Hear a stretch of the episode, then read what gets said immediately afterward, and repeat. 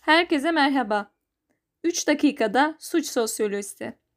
Herkese merhaba. Krimo Toplum bu bölümde suç sosyolojisine devam ediyor. Emil Durkheim'i ele almak isterim. Haydi başlayalım.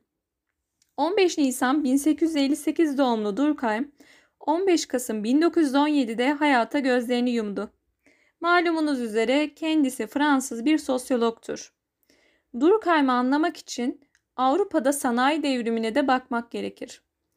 1800'lere gelmeden hemen bir 1760'lara bakalım. 1760'ların İngiltere'sinde bir şeyler farklı olmaya başlar, değişmeye başlar. Buharlı makinaların icadı ile birlikte çırçır makinaları, pamuklu dokuma yani.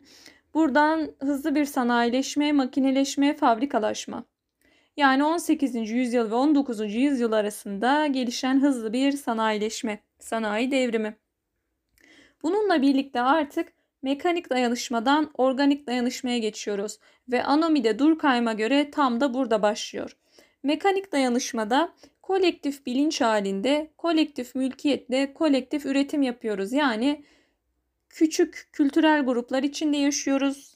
Ortak benliklerimiz var, ortak inançlarımız var. Üretimimizi yapıyoruz. Herkes her şeyden anlıyor. Ama ne oldu? Sanayileşme ile birlikte organik dayanışmaya geçtik. İş bölümü uzmanlaşma arttı ve bu hızlı değişimle birlikte toplum kendi kurallarını yaratamadı. Yaratamayınca da anomi oluştu. İşte anomi burada ortaya çıkıyor ve tam bir kuralsızlık hali.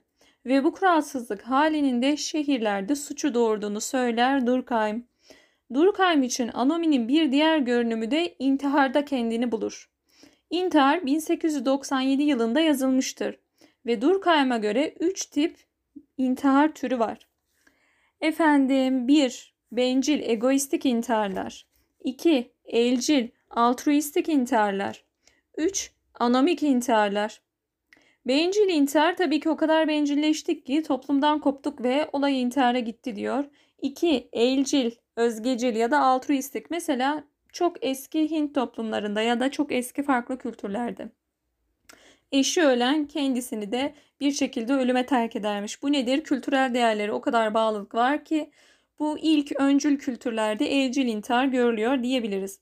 Onomik intihar ise işte bu kuralsızlık hali mekanik dayanışmadan organik dayanışmaya geçiş ve tam bir kaosta ortaya çıkan intihar türü. Şimdilik bu kadar diyelim. Saygılar, sevgiler. Bir dahaki bölümde görüşmek üzere.